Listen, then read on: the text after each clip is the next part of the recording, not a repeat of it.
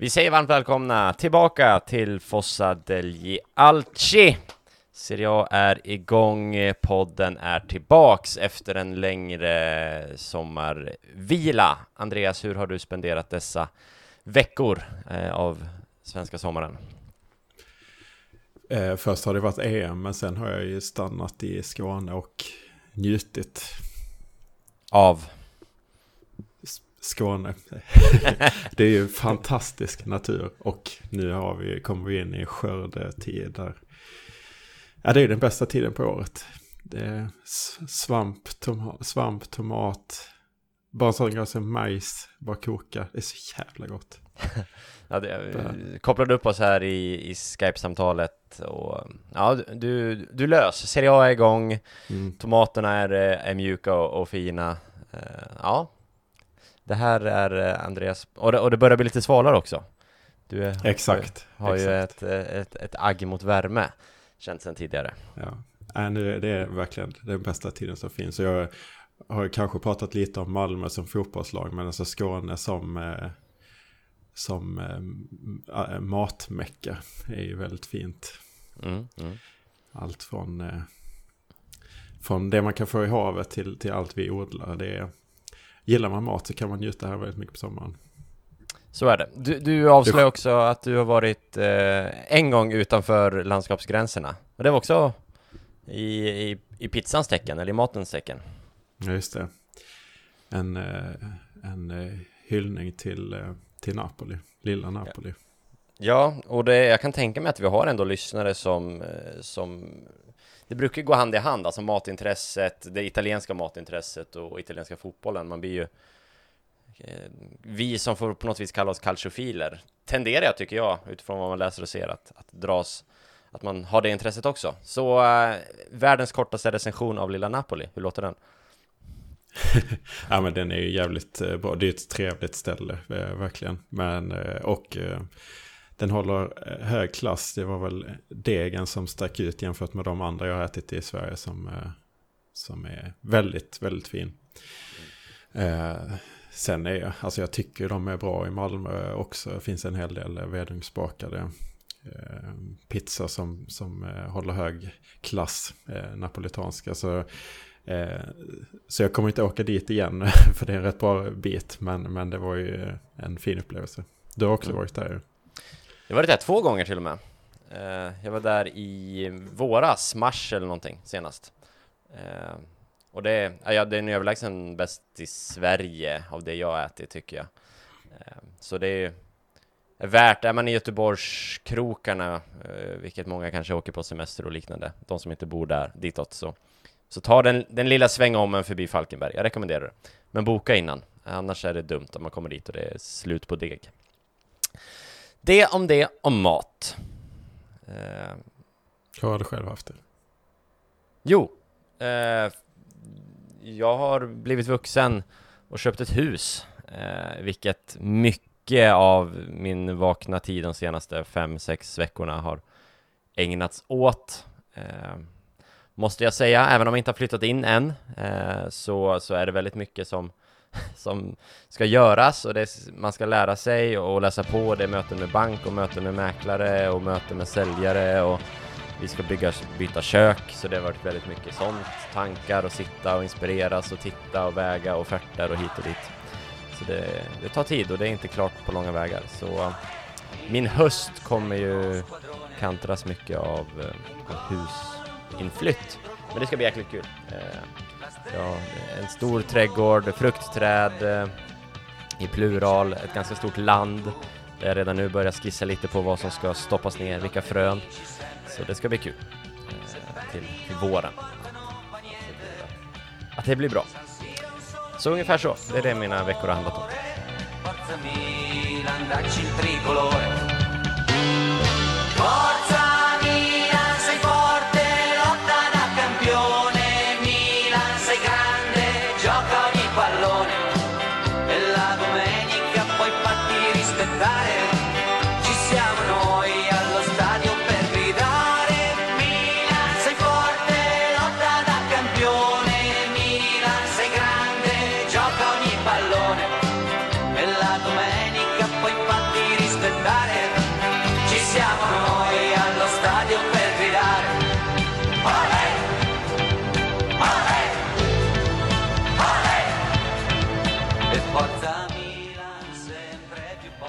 Igår så... Uh, jag såg det inte live, men jag... Det är svårt att inte nås av uh, Inters premiär och egentligen premiären av hela Serie A. När, uh, när Hakan med nummer 20 på ryggen, nummer 10 tatuerat på armen, kliver in och gör en jävla monsterinsats direkt. Och gissar att du såg matchen i sin helhet? Nej, jag gjorde faktiskt som du. Du gjorde inte det? Okej, okay. okej. Okay. Men känslorna då när Hakan först assisterar Milan Skriniar på hörna och sen väggar med Dzeko och gör det där målet som man inte gjorde så många gånger i Milan, som man ändå hade hoppats på några fler gånger kanske. Jag, jag har inte så mycket känslor kring det faktiskt. Och jag är inte heller speciellt förvånad. Alltså det är en väldigt bra värvning för Inters sätt att se på det liksom. Vi ser ju det som vi kommer sakna, eller saknar just nu. Och förhoppningsvis inte när fönstret är slut. Men eh, om han fortsätter att slå in eh, hörnor som han gjorde i Milan och gör det mot Milan, Skriniar till exempel och alla andra där så kommer han att få väldigt många assist. Mm. Eh, jag tycker generellt att Inter har gjort ett väldigt bra fönster utifrån förutsättningarna ekonomiskt. Sen jag, har jag andra frågetecken kring Inter, men eh, de kan vi ta vid ett senare tillfälle. Ja, det får vi nog anledning att, att återkomma kring. Men eh, just det där målet han gjorde igår, eh, vägga med Dzeko är väl och sen bryter in och skjuter utanför straffområdet. Visst, han gjorde några sådana mål i Milan-tröjan också, men att han får göra det direkt i premiären eh, han är ju en bra fotbollsspelare eh, och han sa det igår att det är enkelt att spela med bra spelare runt sig. Eh, jag vet inte om det ska tolkas som en pik mot Milan. Det var ju många milanister som gjorde det, eller om det bara var en, en sägning som de säger ganska ofta, fotbollsspelare, när de är ödmjuka. Eh, men eh, får han medvind tidigt här så, så kommer det vara bra för Inter. Det är väl en enkel slutsats att dra ett av frågetecknen kring honom specifikt är ju just det. Hur kommer han palla Milano? Eh, där 50% kommer verkligen hata honom. Han, kommer, alltså, han har ju eh, haft bekymmer tidigare när det har gått emot det. Liksom. Eh, så att eh, det är ett frågetecken och då är det ju jobbigt att han börjar bra för, för vår del. Så är det. Eh, dagens avsnitt, vi har redan börjat här, men vi, vi, ska ju prata lite om Mercaton, det som har varit hittills, vi har några dagar kvar, vad förväntar vi oss de dagarna? Eh, Andreas har förberett att han vill prata om en specifik spelare i Milan, jag vet inte vem det är, så det kommer väl snart. Eh, vi ska prata lite om, om tankarna inför Champions League, som ju också stundar. Vi har en lyssnarfråga, och sen ska vi sno ett litet koncept från Olof Lund. Eh, det är, är min agenda eh, att jobba kring. Och då tycker jag att vi dras mot Mercaton här initialt. Eh, ska, ska vi börja med någon form av liksom övergripande generella tankar om där vi står idag, den 22 augusti, 11 och 15. Florenzi signade igår. Mm. Det är där vi står, mm. inspelande stund. Exakt. Alltså det, det jag vill börja med, för normalt sett så vill jag, tycker jag att man ska mm, prata om förväntningar inför säsongen innan säsongen börjar. Jag tycker att det ska man klara av. Men jag har så pass eh, stora förhoppningar och eh, förväntningar om att vi kommer göra mycket på Mercaton de här sista dagarna. Eh, och att det kommer få så ofantlig påverkan på hur jag ser på hur säsongen kommer gå för oss. Så därför vill jag, att, eh, vill jag vänta med det. Och det har vi tänkt göra ett nytt avsnitt om senare när, när fönstret är stängt. Eh, vad vi tror om säsongen. Eh, för det som är så himla svårt nu eh, är att vi har gjort enskilt väldigt bra värvningar tycker jag. Eh, men jag har så svårt att se hur truppen ska se ut. Alltså är utformad för hur vi ska spela, vilka formationer vi ska ha och sådär. Eh, och det är ju eh, Hackans ersättare som saknas eh, framför allt. Men också lite hur man har tänkt kring, kring vilka spelare man tar in. Det, det, är ju ett eh, rykte i sig, vi, vi, kan gå in på namnet specifikt sen, men Bakayoko till exempel verkar nära. Okej, okay, ska vi då ha Bakayoko Tonali på, på bänk, eh, alltså i en perfekt startelva Eh, visst, vi ska rotera och hela den biten. Det är jättebra att ha alternativ. Men är, är det det bästa för truppen att vi har de två på bänken och så, så har vi ingen ersättare till Hakan. Eller ersättaren är då Diaz till exempel. Men då har vi Krunic där som backup. Är det vad vi vill göra? Det snackas rätt så mycket om Pellegri. Mm. Eh, Okej, okay, då plockar vi in en tredje anfallare. Vad betyder det för, för hur vi tänker? Tänker vi då att vi ska spela med två centrala anfallare? Han är ju en central anfallare och då har vi tre.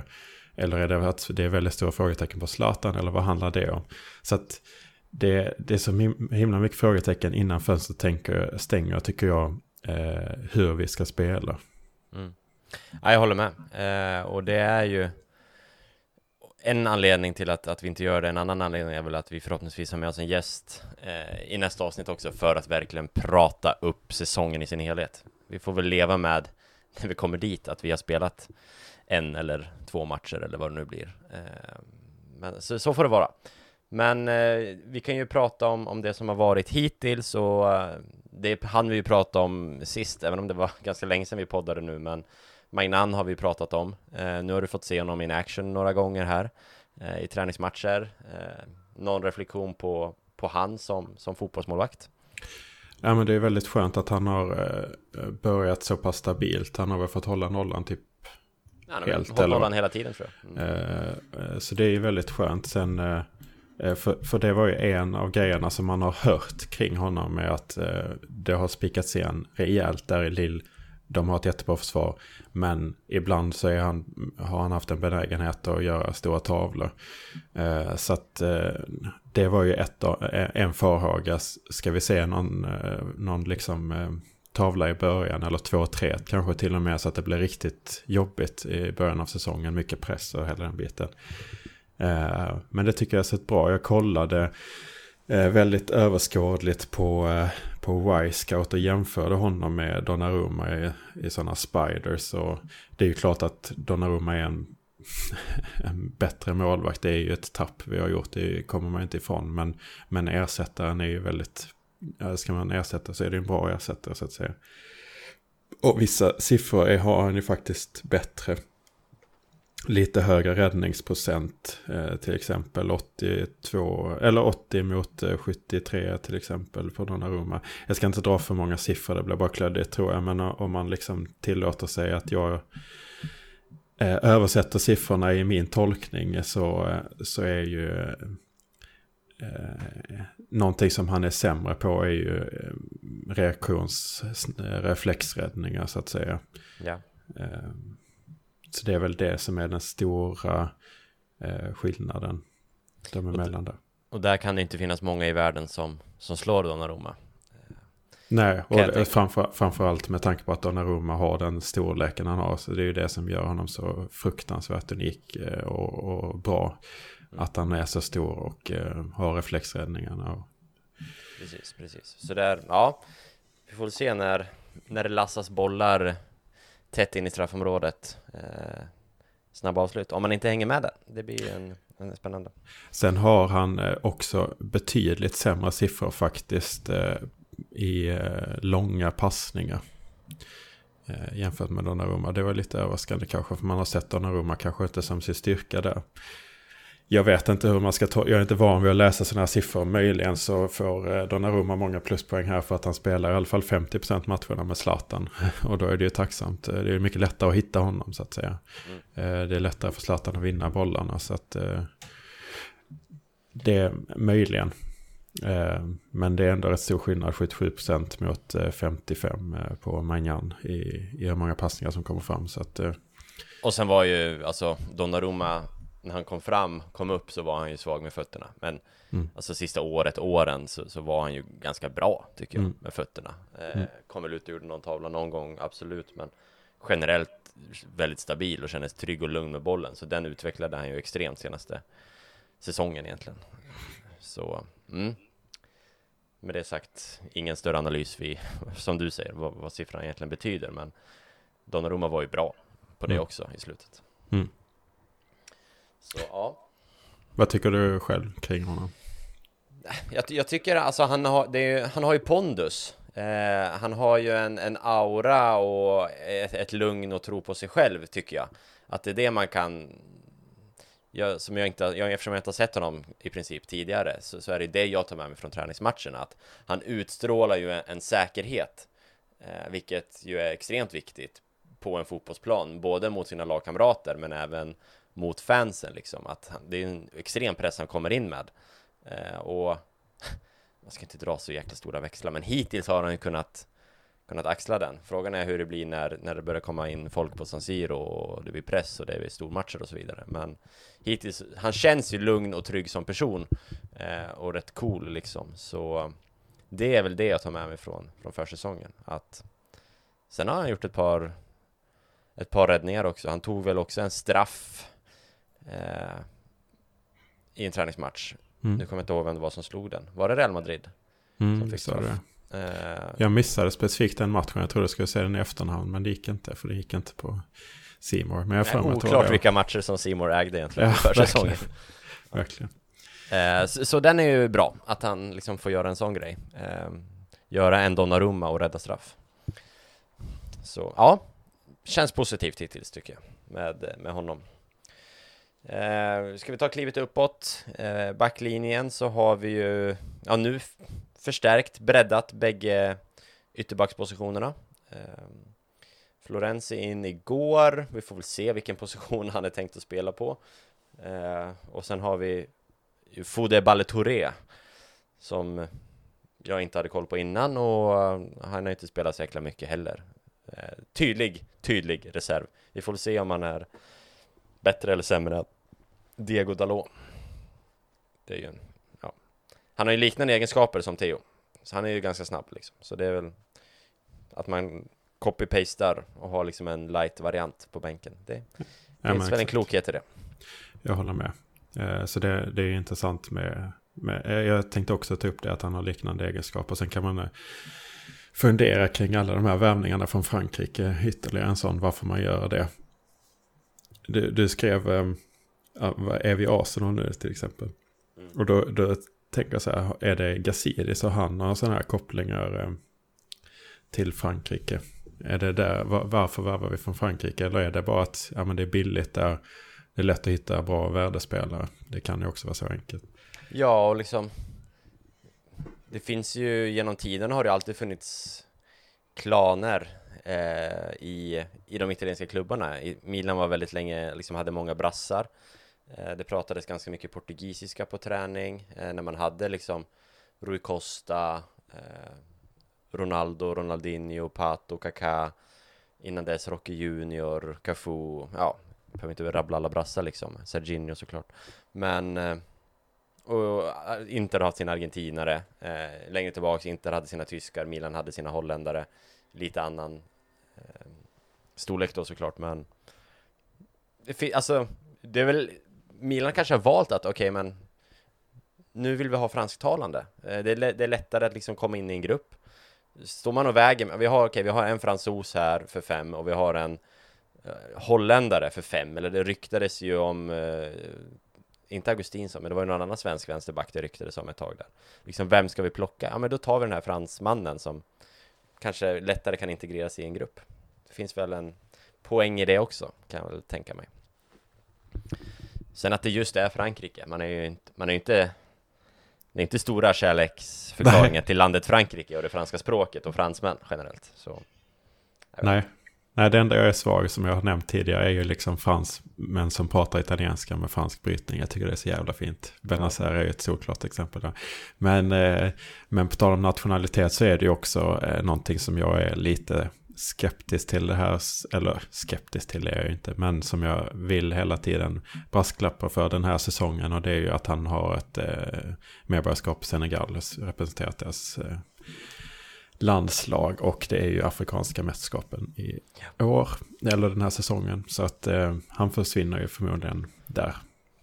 Mm. Eh, Sen är det också lite intressant, han kommer från Monaco, eh, på samma sätt som jag pratade om förra avsnittet. Eh, man gör gärna affärer eh, eller pratar ytterligare med, med folk från samma klubb. Pellegri också i Monaco till exempel. Så att, eh, det är väl också en grej med, med, eh, Ballo Touré. Men annars har jag inte mycket på honom. Desto mer tankar om Florenzi. Ja, signade igår. Eh, positivt, eh, positiva magkänslor i, eh, på Storgatan i Växjö här. Eh, vad, vad, tänker du? Så även i, på Kulgränden i Lund. Ja. Eh, han... Alltså jag är lite så här, första är så här, varför vill Roma hela tiden bli av med honom? Ja, det, är det, är, det är min största fråga. Eh, han, är alltså ju, han- ja, han är ju den enda romaren kvar. Ja. Pellegrini möjligtvis, men Ja, just ja, det. jag fattar inte. Så han, så, han är inte en dålig fotbollsspelare. Nej, nej, alltså han är ju rätt bra och extremt användbar. Eh, alltså det här var ju en spe, spelare som var kapten efter Totti och Dossi. Mm. Det var han som tog över, det var han som skulle ta över. Så det är, är jättemärkligt. Men för oss eh, så tycker jag att det är jäkligt bra. Det är liksom det är erfarenhet, eh, vinnare. Det är ju den enda en-vinnaren vi har i truppen eh, nu. Ja, jag såg, eh, det var väl Vicky som uppmärksammade det kanske, men Gazettan körde väl framsidan, var det igår eller förrgår, att nu drar mm, i Europamästarligan igång, eller vad man skrev. Eh, och så hade man ju hela den italienska truppen på första sidan med klädda i respektive klubblagströja istället. och då hade de ju fått på Florenzi Milan-tröjan. Och det var ju den enda Milan-tröjan på bild. Eh, så det var ju skönt. Precis, de hade ju redigerat bort de som inte var i, i Serie A. Men det var inte så många. Okej, det Men Donnarumma var inte där. Men eh, eh, precis, så det är ju skönt att ha honom där. Eh, eh, jag tror att det är ett jättebra tillskott på erfarenhets... Eh, alltså, re- rent utifrån erfarenhet och, och, och vinnare. Vi har trots allt ganska få Giroud, Zlatan och Kjär kan man väl säga. Och han är Så inte lastgammal heller, 91 va, Florenzi? Exakt, det är ju ingen ålder. Nej. Eh, Varken på poddar eller på högerbackar. Exakt. Så eh, men det, jag tycker det är jättebra. Jag tror att det här är en eh, eh, Masara-vävning och jag tyckte att man kunde lite skönja det Ja, det i i int- intervjun. intervjun också. Eh, det är ju därifrån eh, Masara kom från. Han var ju inte sportchef som jag har tjatat om mycket. Han har ju aldrig jobbat som det, men han var scout och lite så i, i Roma. Men eh, ja, eh, ja, han är så himla eh, användbar. Liksom. Han kan spela högerback, eh, han kan spela högerytter. Eh, skulle vi, vilket man kan hoppas på, kunna skeppa typ Castillejo till exempel. Han kan spela där också. Och framförallt, alltså, han är, för mig är han mest, eh, och då menar jag inte att det här är den positionen han ska spela för ordinarie, men för mig är han centrala mittfältare, för det var ju så han spelade när han kom fram i Roma. Eh, och jag har inte sett så mycket av honom i PSG, så att han behärskar ju verkligen eh, många positioner och han behärskar centralt mittfält. Jag menar förra säsongen spelade vi med Calabria och återigen vi har afrikanska mästerskapen. Då kommer Benazer Kessie vara borta i typ en månad. Vi kommer behöva ha backup eh, där och ha Florenzi som ytterligare ett alternativ där. Jag tycker det är klockrent.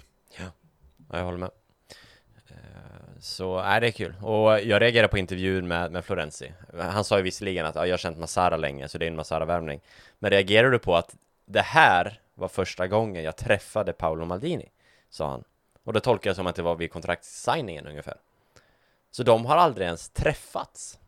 Sen hyllar han ju Maldini och sa att han är, han är Milans motsvarighet till Totti och så vidare och så vidare. Eh, vilket ju är en spark in en, en öppen dörr. Eh, Men, det, han ska ju säga det, så det är inga konstigheter. Men eh, att, han, har- att de inte har träffats, det är så här.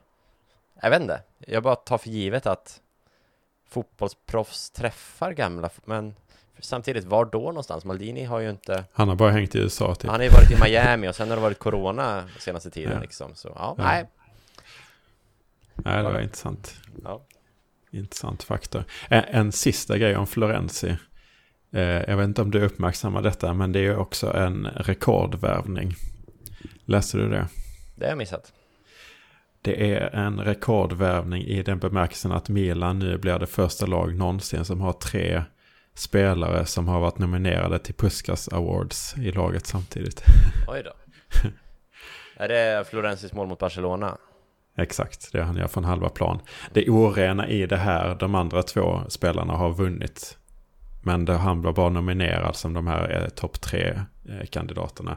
Sen är det ju en jävligt oren, eh, orent pris. Jag eh, kommer du ihåg när Sala vann för något sånt här Eh, han liksom bara, han bröt en, eh, alltså han vann bollen och sen så bara går han några meter i straffområdet och lägger in den i bortre. Han fintar inte ens något, han gör ingenting. Det vann inte liksom årets, eller månadens mål i Premier League. Det var inte topp 10 mål Salah har gjort, utan det vann före eh, Ronaldos bicykleta mot Juventus i Champions League. Som var så tekniskt fulländad. Det är ju så skevt ibland det priset. Det är ju folk som röstar liksom och då är det ju Ja, Röstar man kanske mer på spelaren än målet. Men, eh, men i alla fall, eh, han har ju det målet eh, som kom topp som kom topp tre.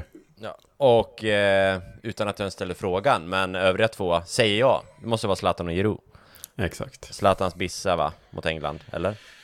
Precis, det är den som har vunnit. Sen har han varit nominerad. Jag vet inte om han har vunnit flera gånger kanske.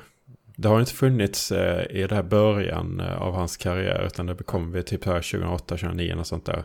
Eh, han har varit eh, nominerad för något mål. Eh, han gjorde något rekord, alltså typ 200 mål alltså, eller vad det nu blev. Eh, ingen aning vilket. Men det var alltså jubileummål som han gjorde i MLS där han eh, liksom ja, sparkar bollen väldigt högt på något väldigt unikt sätt. Som också... Ja, just det.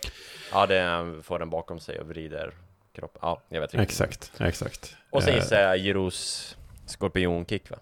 Exakt. Ja. Det var snyggt att ta det ändå på uppstuds. Ja, eh, men eh, så många... Det, vi har inte så många andra kandidater. nej, vi har inte så många som, som har spelat speciellt länge. Så nej. nej. Ja, Kjär. Kjär gör nej. inte så mycket mål. Eh, yeah. Rebic, ah, han gör mål men inga Puskas mål. Eh, nej, det är sant. Sen finns det inte så mycket mer. Det är det här skottet han gör mot... Eh, vilket var, var det mot Juventus eller Atalanta? Juventus. Han gjorde mål mot Juventus. Mm. Det var ju jävligt läckert. Ja, men det kanske ja. inte är där uppe. Men det är ju snyggare än Salas i alla fall. Ja, i och för sig. I och för sig. Ja, vi kan, vi kan släppa, släppa den.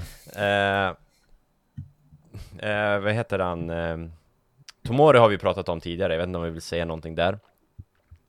Alltså det, det jag kan säga så här är för eh, jag kan, eh, lite raljant, men det är många andra som, eh, av mig, men det är också flera andra som pratar så här att men vi har värvat för jättemycket pengar. Jag, kom, jag har inte siffrorna i huvudet nu, men alltså om man jämför med Inters försäljningar så har vi värvat för mer än två miljarder mer än vad de har gjort i och med att de är så mycket minus. Eh, vad det nu kan vara, 50, 60, vad vi kan ha värvat för. 59 eh, miljoner. Och, lag, och laget är sämre. Mm. I, idag, eh, vi, när vi pratar nu är laget sämre. Eh, men då ska man ju komma ihåg att eh, Tomori, det är lite fusk att räkna in Tomori i det. Eh, för han är ju en förstärkning, han kom in på lån. Och efter halva säsongen så ska man jämföra Milan från starten av förra säsongen. Så ska man ha med sig Tomori, en ny och det är såklart ett, ett jättebra tillskott eh, hur det kompletterar backlinjen. Så att den tycker jag man ska räkna in eh, eh, tills, tills, tillsammans med flera olika saker. Men det, det, kan vi också prata vid, vid ett annat tillfälle. Men som, som Calabria är ju en mycket bättre, det är samma spelare. Eh, och han var bra typ direkt för säsongen. Men vi visste inte att han var, alltså han och Theo är ju typ topp fem mittback, eller ytterbackspar i världen skulle jag säga. De är ju fruktansvärt bra. Eh, det visste vi inte förra säsongen. Så det är vissa sådana parametrar som har ändrats sedan förra säsongen som är intressanta rent eh, eh, när man kollar förutsättningar. Men det är lite mer nästa avsnitt. Men Tomori är en ny förutsättning den här säsongen. Mm. Eh, Tonali är ju permanent efter många om och men. Jag tror inte han var klar senast vi poddade. Eh, nu är han ju sedan flera veckor tillbaks klar och det här, hans transfer värmer ju ens hjärta. För man läser ju och hör ju hur mycket hans egna vilja och gick han in med en lägre lön eller hur fan blev det nu? Han har ju offrat ekonomi i alla fall för att faktiskt få spela i, i Milan-tröjan, vilket är sällsynt 2021. Mm. Det gjorde Florenzi också för övrigt. Men, ja, eh, just det. Absolut. Sänkte lönen, sänkte lönen. Mm. Men Tomori gjorde väl en på något vis större uppoffring. Har du, eller Tomori, Tonali. Eh, mm. Har, kan... har, du koll på detaljerna där eller? Nej, jag har inte siffrorna. Jag har glömt det. Det var så länge sedan. Men det var, det var ju en väldigt gynnsam ekonomisk affär eh, jämfört med vad man hade delat till sig tidigare. Så det var ju snyggt. Så uh, gött att ha en ung central mittfältare med ett stort Milan-hjärta Mm. eh, i truppen. Mm. Mm. Eh, jag scrollar vidare här på transfers in. Du får bromsa mig om du tycker att jag går för fort. Men om vi använder planens, alltså vilka positioner de har, så spelare av spelare in så då är vi uppe på Brahim Diaz tycker jag ändå. Det tycker jag också. Eh, och han har vi också pratat en del om. Mm. Och, och du började med avsnittet med att säga att du inte tycker att han kanske ska vara första valet på den positionen den här säsongen. Vad Ja. finns mer att säga om Brahim? Kanske något om hur dealen ser ut? Ja men exakt, jag tyckte vi var inne på det väldigt mycket eh, förra avsnittet. Var, vi var. Mm.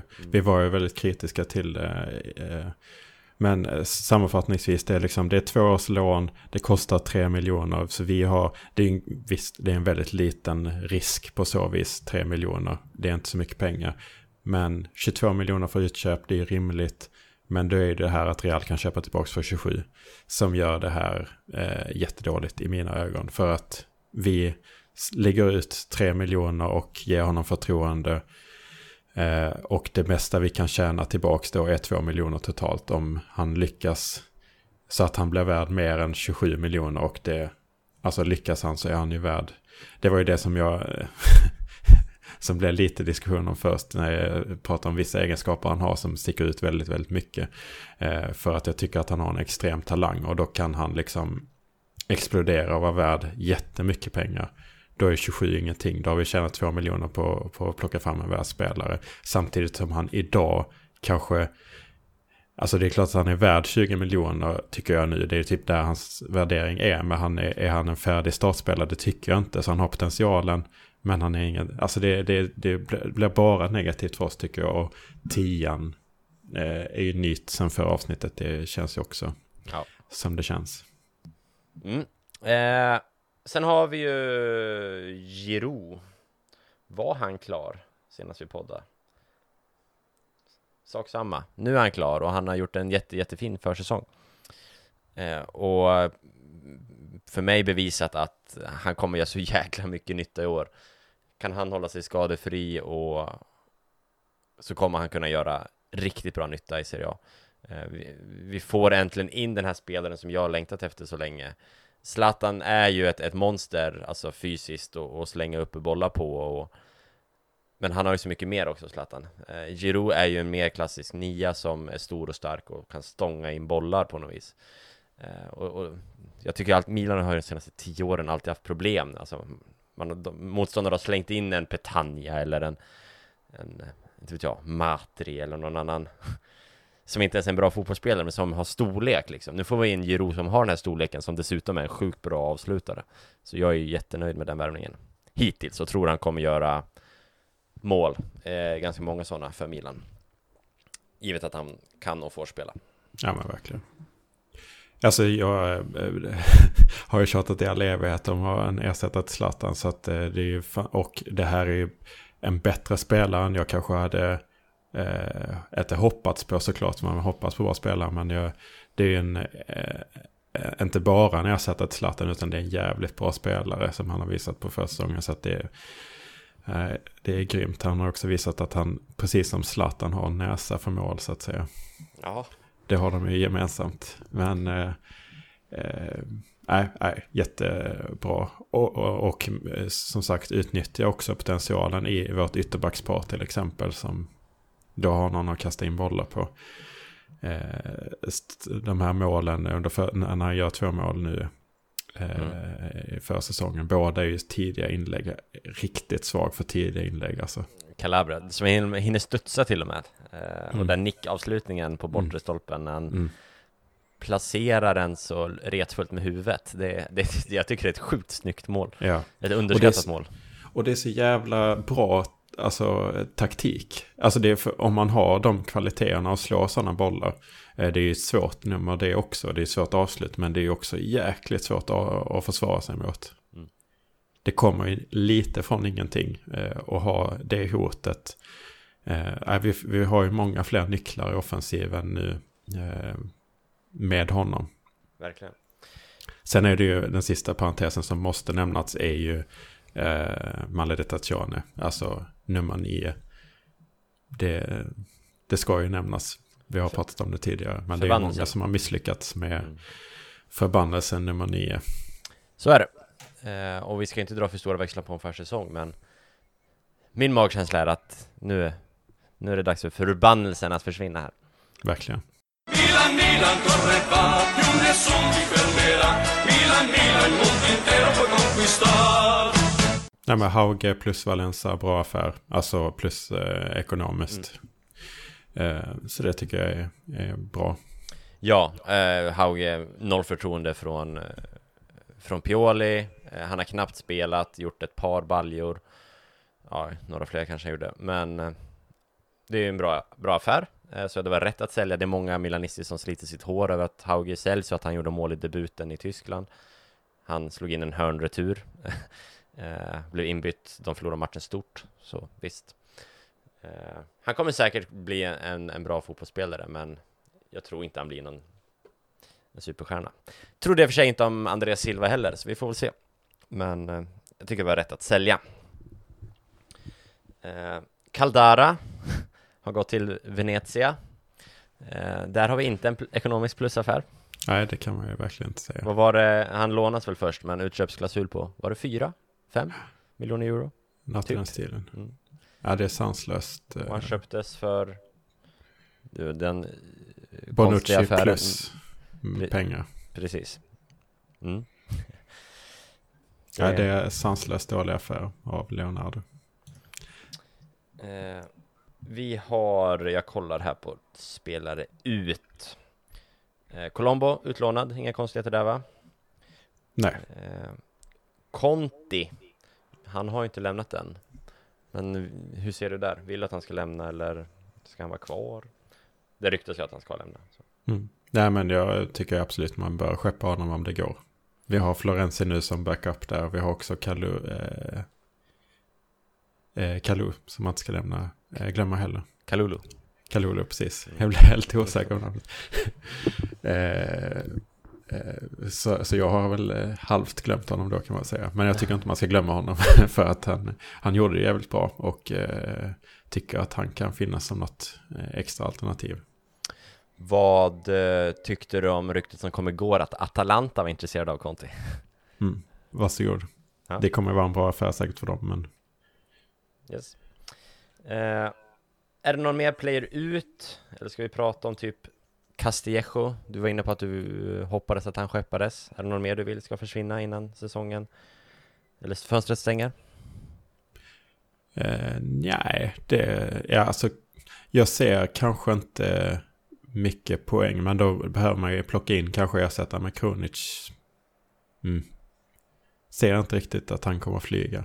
Men det är, det är ett svårt fönster. Alltså det är svåra fönster. Det sker ganska få övergångar och därför är det bra att få 12 miljoner för Hauge till exempel. För vi ser ganska få sådana övergångar. Eh, kanske lite högre prisklass. Där ser vi ganska få övergångar. Eh, så, så därför är det lurigt. Men jag tänker till exempel eh, om man ska latcha med formationen och spela 4-4-2. Då tycker jag att Castillejo är direkt olämplig. Om han inte ska spela anfallare. Eh, Vilket han inte ska. Det tycker inte jag heller. För att man vill väl snarare få in högerfötter där till höger i så fall. Ja. Med de alternativen vi har på topp och, och Castillejo har inte exploderat liksom. Nej, och ska vi spela 4-4-2 så kan vi både Rebic och Leao spela centralt och då har vi helt plötsligt mm. fyra alternativt fem om nu Pellegrini mm. kommer också alternativ så Exakt. Det finns ju inte på kartan. Alltså, ja, de vill ju bli av med honom. Det är väl bara svårt att sälja honom helt enkelt. Ja. Ingen som tar hans lön. Nej, helt tyvärr. Enkelt. Helt enkelt. Eh, ska vi prata, alltså det ryktas ju om Bakayoko. Det har flera dagar nu har de sagt att han, han är nära, han är nära, han är nära. Mm. Ja, jag hoppas att, att, att det är nära också. Det var liksom första sida på Gazettan. Bakayoko i Milan-tröja igen. Uh, ska vi utveckla, du var inne på det här med att är det problem att ha Bakayoko, Tonali, Kessie och Benazer?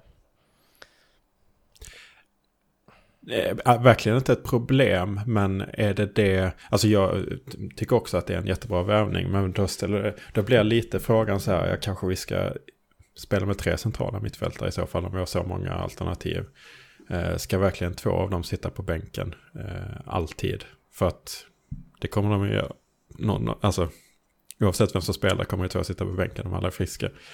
Eh, med tanke på vilka alternativ som finns på andra positioner då som offensivt mittfält så är, det intressant. Eh, så eh, det är väl snarare det, sen ska man komma ihåg, alltså, eh, dels så jävla bra han var i, i Milan, men också det är ju den spelare eh, som senast hade en eh, spelarramsa i Kovasund. Ja, just det. Lotta per la curva e per il diavolo Bakayoko. Bakayoko. Tillsammans då med Piontex. Pum, pum, pum. Bum, bum, bum, bum. De var ju där samtidigt. Eh, Men det är ju liksom, det är ju inte Cassie, det är inte Theo Hernandez som har ramsa, utan det var ju Bakayoko faktiskt. Ehm, True, true. Sen har man inte haft någon kurva heller, så det var en, en del anledning till detta. Såklart, men han var bara en säsong och var extremt uppskattad. Mm. Det var han. Och clashade med Gattuso, sen spelade han med Gattuso förra året, så Ja. en stökig karriär. Och han, de förlängde väl med Chelsea? Ja, precis. Det var någon klausul där, så han har ju De- förlängt med Chelsea, så mm. De verkar ju ha det på alla sina spelare på något sätt. Mm. Hon är lurig hon där eh, i Chelsea, sportchefen för. Det är samma med Giroud, att den automatiskt förlängdes. Precis. Eh, Adli ryktas ju också väldigt mycket om. Ska han bli eh, nummer 10-ersättaren? Montro? Jag har aldrig sett människan spela fotboll. Nej, jag tror att han är tänkt som central mittfältare. Alltså han verkar mest ha spelat det i Bordeaux. Eh, Är det då han eller Bakayoko? Alltså har de två parallella alternativ tror du? Jag tror ju det. Men eh, man har ju hört lite att det kan gå för båda. Men då tycker jag det är jättekonstigt om man inte övergår till tremanna mittfält. Men ja, jag kanske fråga, diskutera det med vår eh, gäst i nästa avsnitt. Hur lätt det är det att skifta från två till tre manna mittfält? Hur mycket påverkar det eh, Milans spel? Jag vet inte om du har några tankar där, men jag tycker den är intressant. Alltså eftersom Milan inte har spelat ett tremanna mittfält på väldigt länge nu så, så känns det ju spontant inte helt lätt. Eh, lättare att gå till ett 4-4-2 och, och ändra om det framme istället. Och jag vet inte om man är så sugen, för alltså Benazer Kessie funkade så extremt bra. Det är det som är grejen. Jag tycker det är en av styrkorna liksom. Sen behövs det ju i vissa matcher. Jag gillar att man ska kunna ha den flexibiliteten, men då måste man också träna på det i skarpt läge. Eh, med tre, alltså möter Mm. man ett, ett, motstånd med tre väldigt spelskickliga centrala, typ Inter, med eh, nu Hakan, Brozovic, Sensi eller vem det kan tänkas vara som spelar liksom, så, så finns det ju en så stor risk att man blir utspelade centralt. Och då är det bra att kunna kontra med samma, samma medicin. Men ja, vi får ta Ja, det framöver här kanske. Ja, men precis. Eh, Det verkar ju som en spelare som har mest eh, kvaliteter i passningsspelet. Vad jag har läst mycket nyckelpassning och sånt där. Jag kollade på, på Y-Scout också. Men eh, det är liksom ingen bollvinnare på samma Nej. sätt. Men så om du inte ser Adli som det primära alternativet till tian, vem är då Andreas Perssons val att ersätta Hakan Calhanoglu i, i Milan? Innan fönstret stänger. Alltså val, då kommer jag ju gå på premium för att det är ju det är så jag vill. Och jag skrev ju, nu har ju faktiskt det ryktet dykt upp även om det inte är trovärdiga källor. Men, eh, men eh, jag skrev ju det för någon vecka sedan i vår grupp att eh, den här Bernardo Silva hade ju varit väldigt fin. Eh, men eh, eh, som eh, inte får plats i City nu. Och det är eh, alltså någonstans måste ju de här spelarna vända sig till som inte får plats i PSG, inte får plats i Real, inte får plats i City, inte får plats i Chelsea. Eh, Real är kanske ett dåligt alternativ för de har ju mest sålt, men, men det är ju Real vi har haft affärer till eh, affärer med tidigare.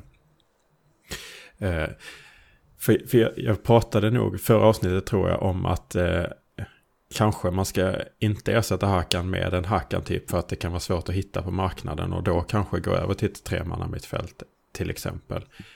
Men alltså det finns väldigt gott om offensiva mittfältare som det finns väldigt många bra lägen eh, att göra på marknaden och jag hoppas verkligen att, eh, att eh, ledningen lyckas i det här för att det är så centralt. Alltså Ödegård gick nu till exempel, visst hög prislapp men relationer med Real och sånt där och hur viktigt det hade varit i det ett alternativ.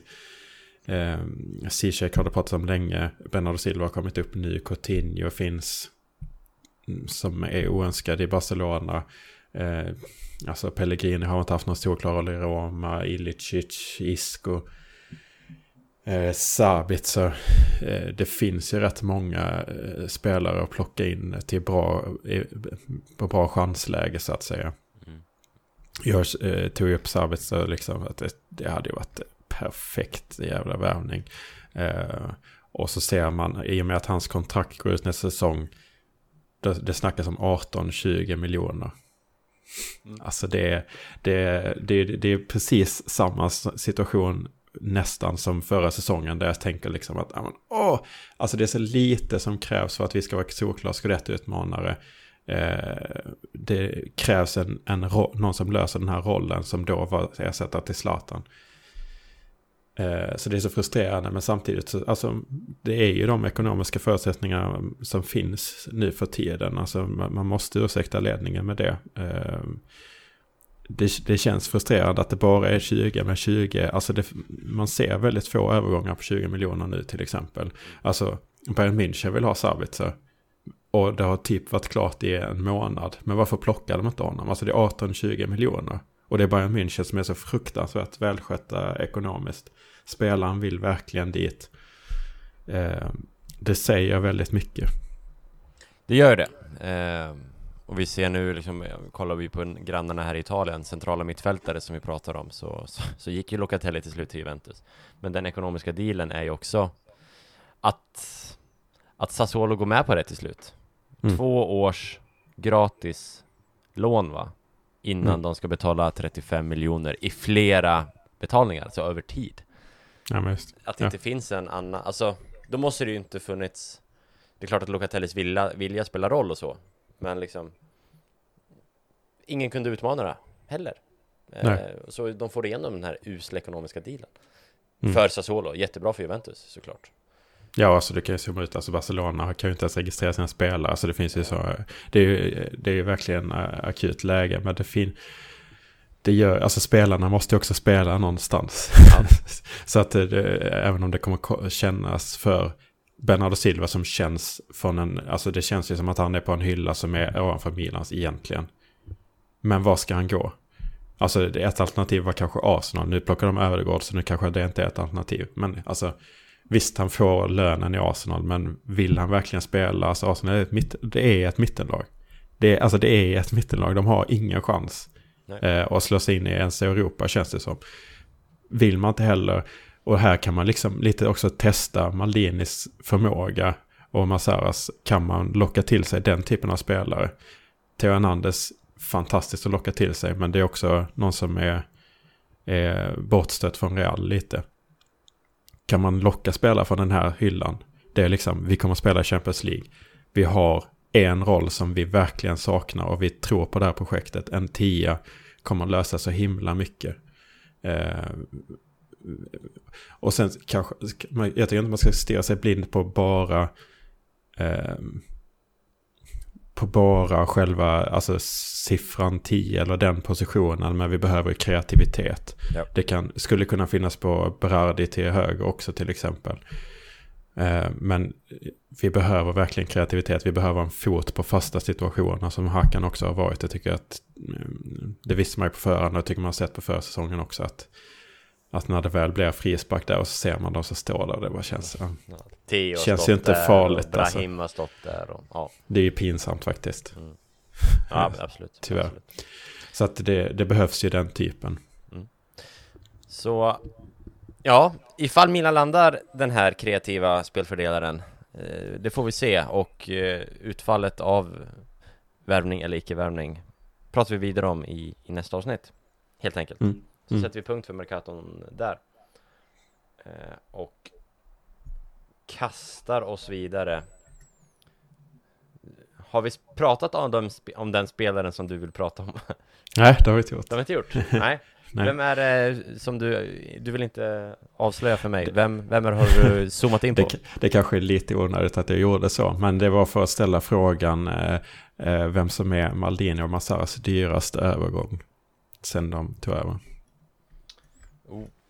Oh. Ja du. Måste väl, är det inte Tomori? Marginellt är det inte det. Nähä. Nähä, nähä. Eh, nej, då vet du tusan. Mainan var ju relativt billig. Vad hade vi förra året in? Kjär kostade väl inte så mycket? Nej, Det är Rafa Leao. det är det såklart ja. Ja, Eh, eh, jag läste att Capello väntar sig en explosion av honom den här säsongen. Eh, och alltså jag... Capello är Capello liksom, hej. Man ska- vill inte säga emot honom. Jag har inte samma känsla, men... Men alltså det kan ju mycket väl vara så. Det är ju en hel gradering att säga så såklart. Men alltså jag har inte något tydligt case här, utan det är mer så att eh, eh, det ska bli, eh, det är en eh, intressant position i det här laget tycker jag. Jag har ju väldigt svårt för honom, som många andra har. Alltså svårt för att se honom för att det är så frustrerande. Eh, där han verkar så loj eh, och eh, springer lite trots att han är så ung. Och, eller har, eh, är lysande i, i sina moment men det blir väldigt få slutprodukter. Vilket jag har väldigt svårt för, vilket man har väldigt svårt för i Italien. Det är ju funktionell teknik och sånt, det är ju allt sånt som hyllas. Men men eh, hur många mål tror du att Leo gjorde förra säsongen? mm. alla turneringar. Mm, det har jag inte kollat. Okej. Vilket försvårar ditt svar. Säg ligan. Jag tror att det är, jag är rätt säker på att det är ligan. Ja men eh, han gjorde ju inte mer än fem, så att han gjorde fyra då, i ligan. Nej, okej. Nej, men det är sex mål gjorde han. Och då kanske det är alla turneringar. Det var svagt att jag inte har kollat vilka Ja. turneringar det var. Men, Ja. eh, men på de här, eh, på de här eh, eh, eh, sex målen, alltså det är för lite. Herregud. Alltså, och då ska man säga att han gör 12 starter som central anfallare, som prima punta. Och göra så få mål. Det är lika många mål som han gjort säsongen innan, men han spelar 700 minuter mer. Han har, det här är hans andra säsong. Eh, alltså, alltså det, är helt, det är helt oacceptabelt. Alltså man kan inte ha en anfallare som gör så få mål. Det, är alltså det, det, det, det är alldeles för dåliga siffror. Alltså det är nio färre än Zlatan gör. Det är fem färre än Rebic gör. Eh, Det är fem färre än vad Kessie gör. Det, det är ett färre än Theo Hernandez gör. Alltså det finns spelare i Serie A som Hernani, Barak, Pandev, Orsolini, Lapadula gör fler mål. Han spelar som eh, prima punta i Milan och det är rätt stora delar för Zlatan är borta. Eh, och, och spelar alltså som anfallare i övrigt också. Det är på tok. På tok för dåligt. Det är i ligan, jag kollade upp det, han gjorde ett i Europa League också. Ja. Eh, så även om man överskred dina förväntningar då från, Ja. eh, på det sättet. Men, men det, det är alldeles för dåliga siffror. Eh, man kan ju misstänka att det handlar om prestige då, lite från ledningen. Alltså det är deras dyraste värvning. Varför skeppar man inte honom? Det är ganska lätt att skeppa liksom Paquetá, André Silva. Båda har exploderat efter det här, men det är inte, det framstår inte som ett lyck- misslyckande i, i, i de flestas ögon. Eh, utan de kan liksom skylla på att nej, det var en dålig värvning från tidigare ledningar. Det här är ju deras eh, stora satsning. Sen kan man ju för alla förstå det också för att eh, alltså de har ju sett, det är ju de som har sett någonting i spelande, det är de som har haft en tanke med det så att det är ju rimligt på så sätt. Eh, naturligtvis, men eh, Ja jag tycker att det, har lyfts lite så här av vissa eh, som jag har pratat med eh, som hyllar att de är, att Maldini är så osentimental och skickar spelare och sånt där. Men eh, ska man vara prestigelös så ska man också kunna skicka sina egna spelare eh, som man har värvat. Det, det är ju det som eh, testar en lite. Absolut. Sen vet man inte, finns, vad finns det för intresse eh, utifrån vilka är villiga att betala, hur stor förlust kan man göra och vad hur länge kan man chansa med honom liksom? Eh, han har ju en, en potential som man, alltså han har ju den här exceptionella snabbheten och tekniken en mot en. Det är bara att man ser den för sällan och man hör ju från spelarna, jag tror att brasklapp för Selemäkers eh, scoutingöga generellt Men eh, han fick väl en fråga häromdagen såg jag vem som liksom var Om det var skickligast eller liksom Störst framtid eller något i den stilen och liksom direkt svarade Leao som, som enligt Ja, enligt vad allt vad Salamäkers säger men Att han har, alltså han är, han har en exceptionell talang Men det är bara att Mm. den aldrig kommer fram Att han inte Ja. riktigt kämpar för det Känns det som Mm. Eh, Och, Ja, och alltså jag säger inte att man ska skeppa, men det, är en, det här är en intressant fall. Och det kan vara helt rätt för att, ha kvar honom också. Alltså jag har precis pratat om att det är liten rörlighet på den här typen av eh, spelare. Alltså den här typen av summor som rör sig 20. Alltså vi har ju typ bara sett gratisövergångar och 100 miljoner för, för Lukaku plus liksom. Eh, viss överdrift såklart, men det är mycket färre övergångar. Eh, eh, det är mycket mindre rörlighet, i alla fall min bild. Jag har inte sett siffror på det, men det, eh, det är så jag tror att det är. Eh, och eh, då handlar det ju mycket mer om att eh, ta tillvara på de resurserna man har. Eh, och, och liksom rent fotbollshantverket, nej, men nu ska vi förädla den här talangen som vi har. Så att det, det, jag säger inte att det är fel att behålla honom, men det blir det är intressant. Vicky pratade, sa det väldigt fint tycker jag i Andiamo som är program på Dopp TV. Eh, om Italiens EM-vinst. Att Italien är, när liksom allt krimskrams, pengar och sånt inte räknas in. Så är Italien bäst i världen på hantverket fotboll. Eh, eh, jag tycker i alla fall absolut inte, eller jag håller med om det. Och då, vi har ju, där har vi ingen konkurrensnackdel mot Premier League till exempel. Så om vi nu har den här mindre rörligheten, ja men då kommer det vara mer eh, betoning på att kunna förvalta det man har. Och vi har Leao. Men då är det ytterligare nästa intressanta fråga med honom. Ska vi, vad ska vi göra med honom? Hur ska vi spela? Vi har sett rätt mycket 4-4-2. Eh, ska han verkligen spela vänster på ett mittfält 4-4-2? Eh, det känns ju också väldigt konstigt. Så att eh, utöver det så kommer han vara en väldigt intressant pusselbit i vilken formation man väljer. Eh, jag tycker att, för, vi har inte pratat mycket om, om det nu, vi kanske kan prata om det mer om det när vi kan fönstret. Men det här 4-4-2 mot 4-2-3 till exempel är en väldigt intressant diskussion. Jag, precis som du säger med tre centrala mittfältare och kunna använda 4-4-2 under delar av matcher är ju det är riktigt, riktigt bra. Eh, och kunna spela Giroud och Zlatan kanske delar, alltså slutet av matcher tillsammans. Det, det kommer att göra skillnad på poäng för att man kan spela på ett annat sätt och lösa upp försvar på ett annat sätt. Eh, eh både i Serie A och Europa, det kommer vara jättebra. Men är det det vi ska spela primärt? Det tror jag inte. Eh, och där är Leao en, en intressant pusselbit i det också så att säga. Ja, är det, det är hans säsong nu. Eh, han måste ju, måste ju vara bättre, eh, såklart. Såg du, hängde du med tidigt på försäsongen? Eh, Rafa Leaus eh, dust med Nemo Hedén. Den gamla dokusåpadeltagaren.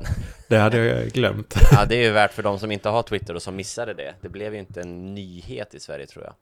Så för er som missade Twitter så var det väl en av de allra första träningsmatcherna mot något lokalt bonkegäng från norra Italien. Vilka det var, Novara eller vilka var vi mötte? Padova, vi brukar. Skitsamma. Eh, så var det väl att det var någon italiensk tidning, om det var Gazettan, rätta mig om jag har fel, men som skrev att jag vet inte om de skrev om den här matchen är Liaos sista chans eller om det var den här försäsongen eller till och med den här säsongen blir Liaos sista chans. Något i den stilen. Leao går in i den matchen och gör typ 1 plus 1 eller 1 plus 2 eller något i den stilen. Mot ett bonkegäng liksom. Eh, går ut på sin Twitter-kanal och skickar upp så här hysch-emojis tror jag det bara var. Eh, detta snappar den gamla dokusåpa-deltagaren numera podcastprofilen Nemo Hedén upp och eh, förklarar, liksom sätter i en kontext egentligen. retweetar och förklarar kontexten för sina icke-Milan-följare. Eh, taggar inte, alltså Nej, han, han retweetar inte ens, han tar en printscreen Gör han. Han tar en printscreen på Leaus tweet eh, och skriver på svenska kontexten Typ haha, kolla in den här killen typ Detta... Ja, precis. Han, alltså han hyschar när han gör ett mål i en träningsmatch typ. Mm, alltså ja, möter ett bottenlag, något Precis, sånt. Ja. ja. Ja. Detta fångar Leao upp trots att han inte är taggad, trots att han inte, det är ingen viral, alltså den får väl säga fem retweets i Sverige liksom. Mm. Eh, men då måste ju Leao suttit och sökt på sitt namn och ja, det blev så jäkla kul, eh, tyckte jag. Så oväntat dust Ja, verkligen. mellan Nemo Hedin Ja. och Rafael. Jag hade ju ingen, jag hade ingen aning vilken, eh, vilken, vem den här svensken är, men det, det var ju väldigt roligt. Ja, att han var väl med på, jag tror han blev känd, eh, Kungarna av Tylösand var väl en kortlivad svensk dokusåpa. Blev väl känd för att han eh, ja, var med i den tv-serien. Nu är han väl eh, nykterist och eh, har en podcast som är ganska stor i Sverige. Eh, intervjupodd. Så, ja. Spännande möte på nätet. Internet Ja. häftigt. Twitter är kul. Fan, jag sa att jag glömde ett namn som är intressant. Helvete. som värvning eller? Jag som offensiv mittfält, eller Vlasic. Det har ju pratats ju mest om honom. Just, just. Men nu har du sagt det, så får vi inte prata mer om det. Kan vi inte det? Ja, Okej då. Lite. Vill vill du veta en sak som är intressant med honom? Ja. Känner du, du känner igen hans efternamn, eller? Vlasic. Ja. Ja. ja. Inte mer än så. Han har ju en känd syster. Blanka. Ja. Är de syskon? Ja, Höjdhopperskan? exakt vad jag Kajs, kommer ihåg. Kajsa Bergqvists Kajsa gamla rival. Bergqvist, rival, precis. Jaha, det visste jag faktiskt inte. Nej, det... Jag reflekterade inte alls bara när jag såg Vlasic, men det, ja, det är Blanka Vlasic. Se Måste ju där. vara stora syster. Se där. Ja, det det bör det ju vara. Men eh, alltså jag såg, han spelade rätt mycket i, under EM, men eh, jag tycker att han, alltså jag såg ju eh, väldigt intensivt på EM, men jag tyckte inte han gjorde något jättestort eh, intryck. Däremot så spelar han eh, inte som offensiv mittfältare där som, som han väl är tänkt om här, utan spelar mest höger ytter i, i 4-3-3. Eh, eh, jag kollade också, jämförde honom med, eh, med Hakan eh, rent eh, på, på Y-scout. Eh, har ju faktiskt bättre siffror i väldigt mycket, men så ska man komma ihåg att CA är en mycket svårare liga än, än ryska såklart. Men eh, det är mer av en dribbler, målfarligare. Eh, är väl den stora skillnaden med Hakan snarare än... Han har ju lite passningsspel i sig också, men, eh, men eh, det är väl det som sticker ut i skillnaden eh, där. Fler mål, färre assist. Ehm, och inte, men, men alltså han har ju egentligen så här fler bollvinster, fler nyckelpassningar än Hakan. Eh, Men då är det lite frågetecken kring ligan. Och Rys- CSKA verkar ju jobbiga att förhandla med. Ja, vad, vad verkligen. Vlasic själv vill och agent och familj och sånt är ganska tydligt. Men Cheska vill ju inte riktigt släppa. Men det är ju rätt så intressant, för det är ju det väldigt intensivt. Det känns ju mest intensivt om Vlasic av alla. Eh, när det finns alla de möjligheterna som jag radade upp tidigare till exempel. Så känns det som att det är det här spåret som man går tydligast på. Mm, Men det, det var bara det. det var det. Det om det. Det är om Blanka Vlasic bror. Exakt. Eh, jag kollar på agendan igen och vi, vi hade en eh, lyssnarfråga. Ska vi ta den innan vi tittar lite på CL? Mm. Från vår eh, gemensamma vän och eh, Fossa del Jalci-resan eh, kollega. Oh? Är det Playboy di, är det Playboy Playboy di Milano. Exakt, som varit inne och ställt frågor? exakt. Vad kul. Vad, säger, vad har eh, Playboy på hjärtat? Johan Ottosson skulle kanske säga att han heter också. Det kan vi förtydliga med. Eh, han eh, skulle tycka det var intressant med en diskussion kring Romagnoli snedstreck Kjär. Bör inte rimligtvis Romagnoli eh, Tomori var ett mittbackspar som kompletterar varandra bra? Eh, Kjär har knappt något marknadsvärde och kan skada sig titt som tätt. Tyder på, eh, jag tycker på rak arm att det vore dumt att offra Romagnoli som dessutom är kapten för Kjär. Eh, det är en åsikt som sticker ut lite ändå.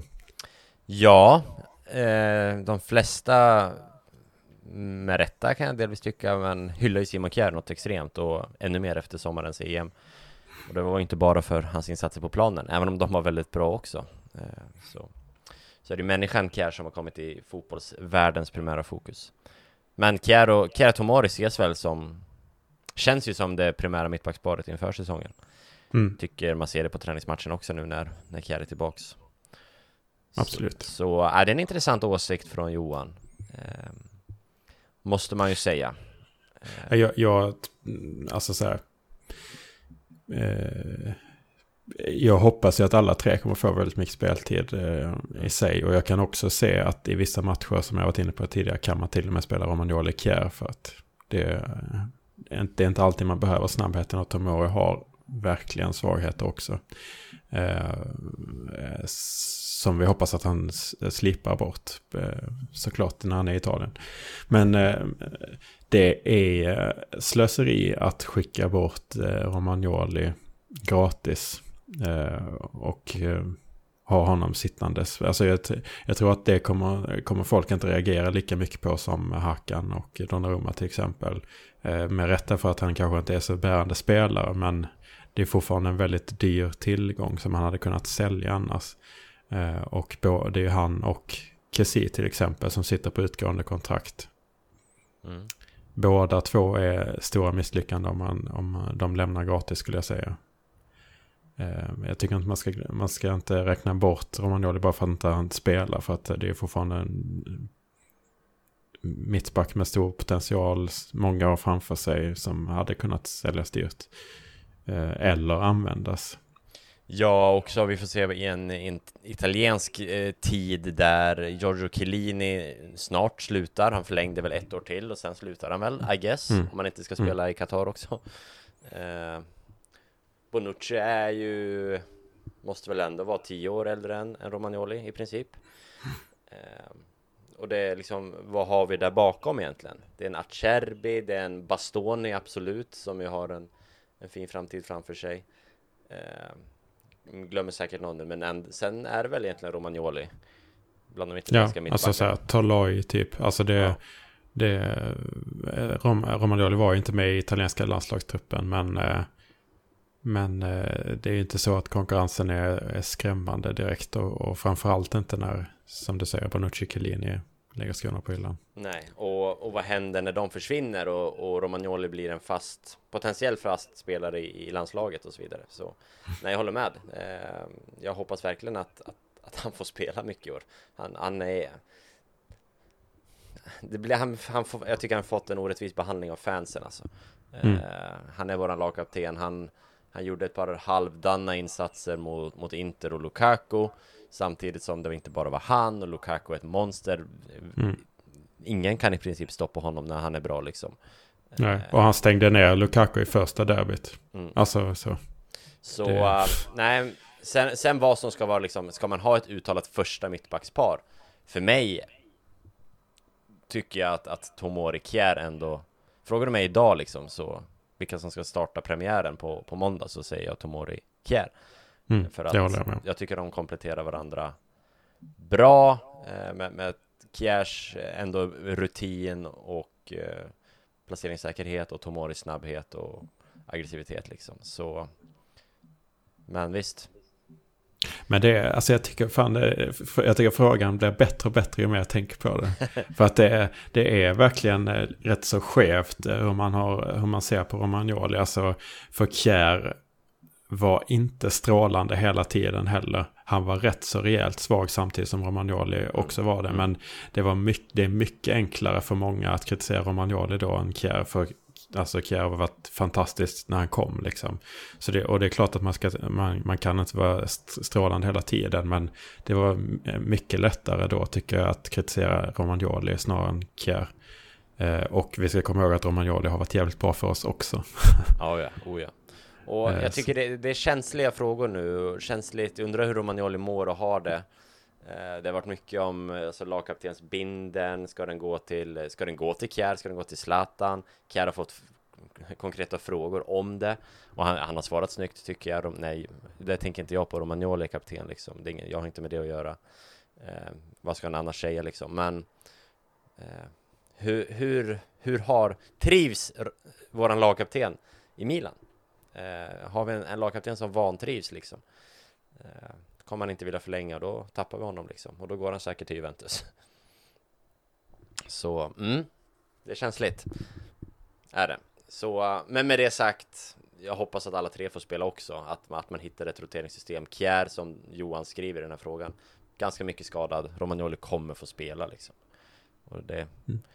Ja, det vet jag inte om jag håller med egentligen om. För jag tycker inte att Kerr är speciellt skadebenägen. Utifrån, speciellt utifrån hans ålder. Han spelar ju helt brutalt mycket förra säsongen eh, på hösten. Där, där han liksom bara pumpa på och spela varenda match från Europa-kval där vi gick liksom spelade förlängning hela tiden och så gick han in och spelade dubbla möten med Danmark. Han bara kötta på liksom. Eh, alltså jämföra det med Zlatan, visst han är lite äldre och sådär. Men han spelar inte i landslaget, han var ju skadad jättemycket och sådär. Eh, men det är klart att det kommer finnas möjligheter för alla tre och jag menar, eh, hallå, bra lag kan ju ha tre mittbackar, det är inga problem. Nej. Nej. Så, så, att jag hoppas att, uh, som sagt, alla tre kommer att spela. Yes. Tack för frågan, Playboy di Milano. vi kan väl uppmana till fler frågor till mm. nästa avsnitt där vi går igenom nästa, eller säsongen. Precis. Skicka dem enklast kul. via antingen om man söker upp någon av oss på Twitter eller eh, någon annan social media. Men eh, allra enklast är ju Fossa Delialcis Twitter. Vi har ett eget Twitterkonto för podden som heter precis som podden gör. Skriv där, enklast. Eh, och eh, ifall ni skickar DM och vi inte svarar vi reagerar, påminn oss på något vis. Eh, jag, jag, försöker vara inne där ganska ofta, men ibland så hamnar de under så här meddelande förfrågningar och grejer och då är det svårt att se. Men vi får hjälpas åt. Milan, Milan, fermerà. Milan, Milan, il mondo intero puoi conquistar. Champions League för första gången på väldigt, väldigt många år. Och du har ju smyg värmt upp här med Champions League och fått höra. Har man hymnen i kvalet? I playoff har man det. Okej, okay, så senast här mot uh, Ludogorets va? Exakt. Mm. Uh, sen hör man aldrig den i Malmö, för Malmö kör alltid en hoppramsa under tiden. Så att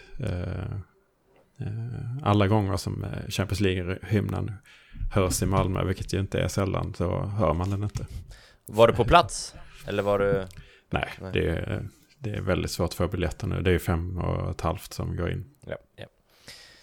Eh, men vi ska inte prata om MFF eh, eller Christiansen. Är det ett alternativ för tian i Milan eller? eh, nej, det är det väl ändå inte. Okay. Men han är, han är strålande, såklart. Jag ser bara highlights. Jag tycker han känns så extremt för bra för allsvenskan. När, ja, när man bara tittar highlights. Han är ju det. Ja. Han är ju helt strålande. Däremot Birmancevic mm. skulle nog nä nästan kunna konkurrera med, med Selemakers i och med att det är vår svagaste position. Och han är, han är helt strålande. Men det är, alltså, det är ingen som jag rekommenderar man att värva. Men, eh, men där, det är väl närmare elvan skulle jag säga utifrån hans potential. Okay. Eh, men Champions League för Milan.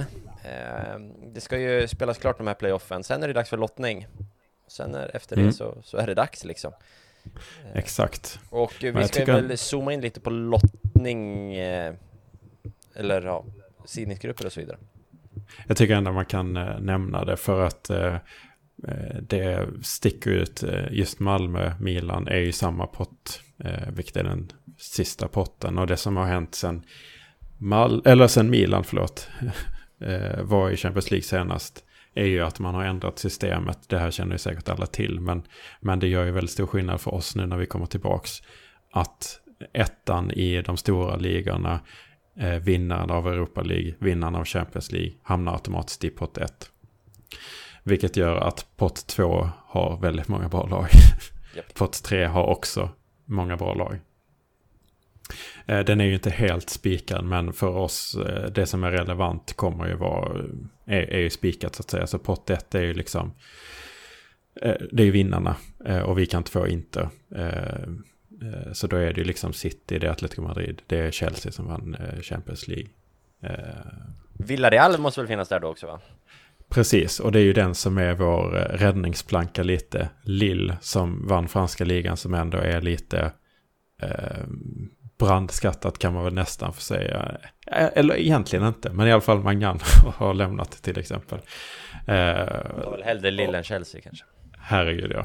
Eh, och Bayern München och Man City och dem. Eh, och sen då Sporting som, eh, som kommer från portugisiska ligan automatiskt är svagare men också är ju lite av en skräll. Eh, så att eh, eh, nyckeln för oss, vi kan inte få Inter, det är ju att få Villarreal, Lille eller Sporting i pott 1. Får vi inte det, då är det satans tufft alltså. Japp. Eh, och, då, och då känns det helt hopplöst. Men samtidigt det är ändå tre lag av sju möjliga. Så att det är nästan 50% då. Och få en överkomlig lottning. Så att eh, vi får ju verkligen hoppas på det.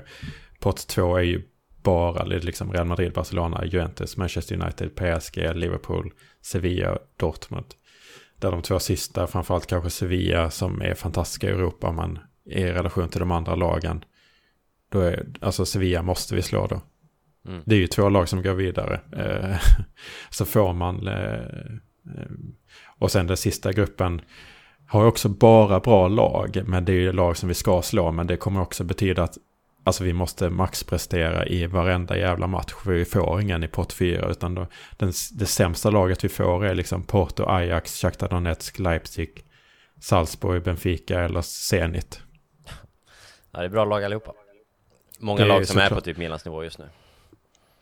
Känns det som. Mm, ja, Porto kanske. har man nog alltså ingen koll på egentligen. Ja, nej, visst. Eh, Men framförallt vill man ju undra vilka Leipzig är. Där känns Ja, det som. absolut. Ajax är väl också tråkig. Men alltså det är ju... Ajax är ju- möter väl Donetsk just nu va? Gör de inte? Är inte de i playoff? Eh, Eller kanske, nej, vilka fan är det Donetsk möter? Donetsk möter, uff, det såg jag. Men Ja, skitsamma. Eh, ja, nej men det, Men det- det, blir tufft. de Såklart. flesta, alltså det, det handlar normalt sett kan man ju alltid sätta ihop en sån här mardrömsgrupp. Går ju nästan alltid på förhand. Men det är så många potentiella var, alltså mardrömsgrupper för Milan. Att det är ju snarare väldigt få som är där vi känner att vi har en riktigt, riktigt bra chans att gå vidare. Eh, och, och det kommer betyda att vi måste gå in med varje match för att vinna, eh, verkligen vinna liksom. Eh, såklart, man går in, men alltså man måste satsa eh, fullt ut, även mot det sämsta laget som, alltså i bästa fall är Zenit liksom. Det, det är ändå rätt så tuffa matcher. Men får man Sevilla i pott 2 eller får man liksom Chelsea, eller eh, Villarreal, eh, Lille eller Sporting. Får man någon av dem så, så har vi ändå hyfsat eh, bra chans tycker jag. Om man inte får Leipzig, den är ju tråkig. Sporting, Sevilla, Zenit. Där har vi Det det. är ju drömmen. Det är dröm. Sen har du en miljard olika mardrömsdotter, men det är ju liksom. Man, Man City, PSG, Leipzig till exempel. Mm. Topp två. Den är kämpig. PSG hade ju varit... Ja. Ja, den är ju intressant av många skäl. ja. Om man får Lille Men- så slipper man ju PSG sen där i pott två. Ja, nej. Precis. Så uh, nu blir man taggad på Champions League. Men om man ska bli eh, taggad så tycker jag att vi kan, eller blir man taggad av det här? Men det, det här glider lite in i det segment- segmentet som jag vill testa och införa i, i den här podden som är en, eh, lite av en lek som jag hörde Olof Lund köra i sin, eller sin, men det, den podcasten som Fotbollskanalen hade under EM, där, som de kallade hetsjakt eller häxjakt, jag kommer inte ihåg, men det, det gör ju samma betydelse.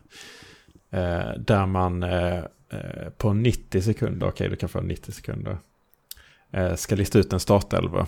Så du får bara kötta ut namn liksom. ja, Eh, och startelvan jag har valt är ju självklart en från Champions League då för att komma i stämning inför den här turneringen. ja. Och det är den startelvan som vi hade i den sista matchen vi spelade senast i Champions League. Atletico. Exakt. Mm. Så eh, då kan vi väl starta. Fan har jag ingen klocka. Ja men starta nu då. Är vi igång? Jajamän. Eh, Kaká gjorde mål, han spelade. Japp, Eh, tillbaka. I mål bör vi väl haft Abiati. Yes.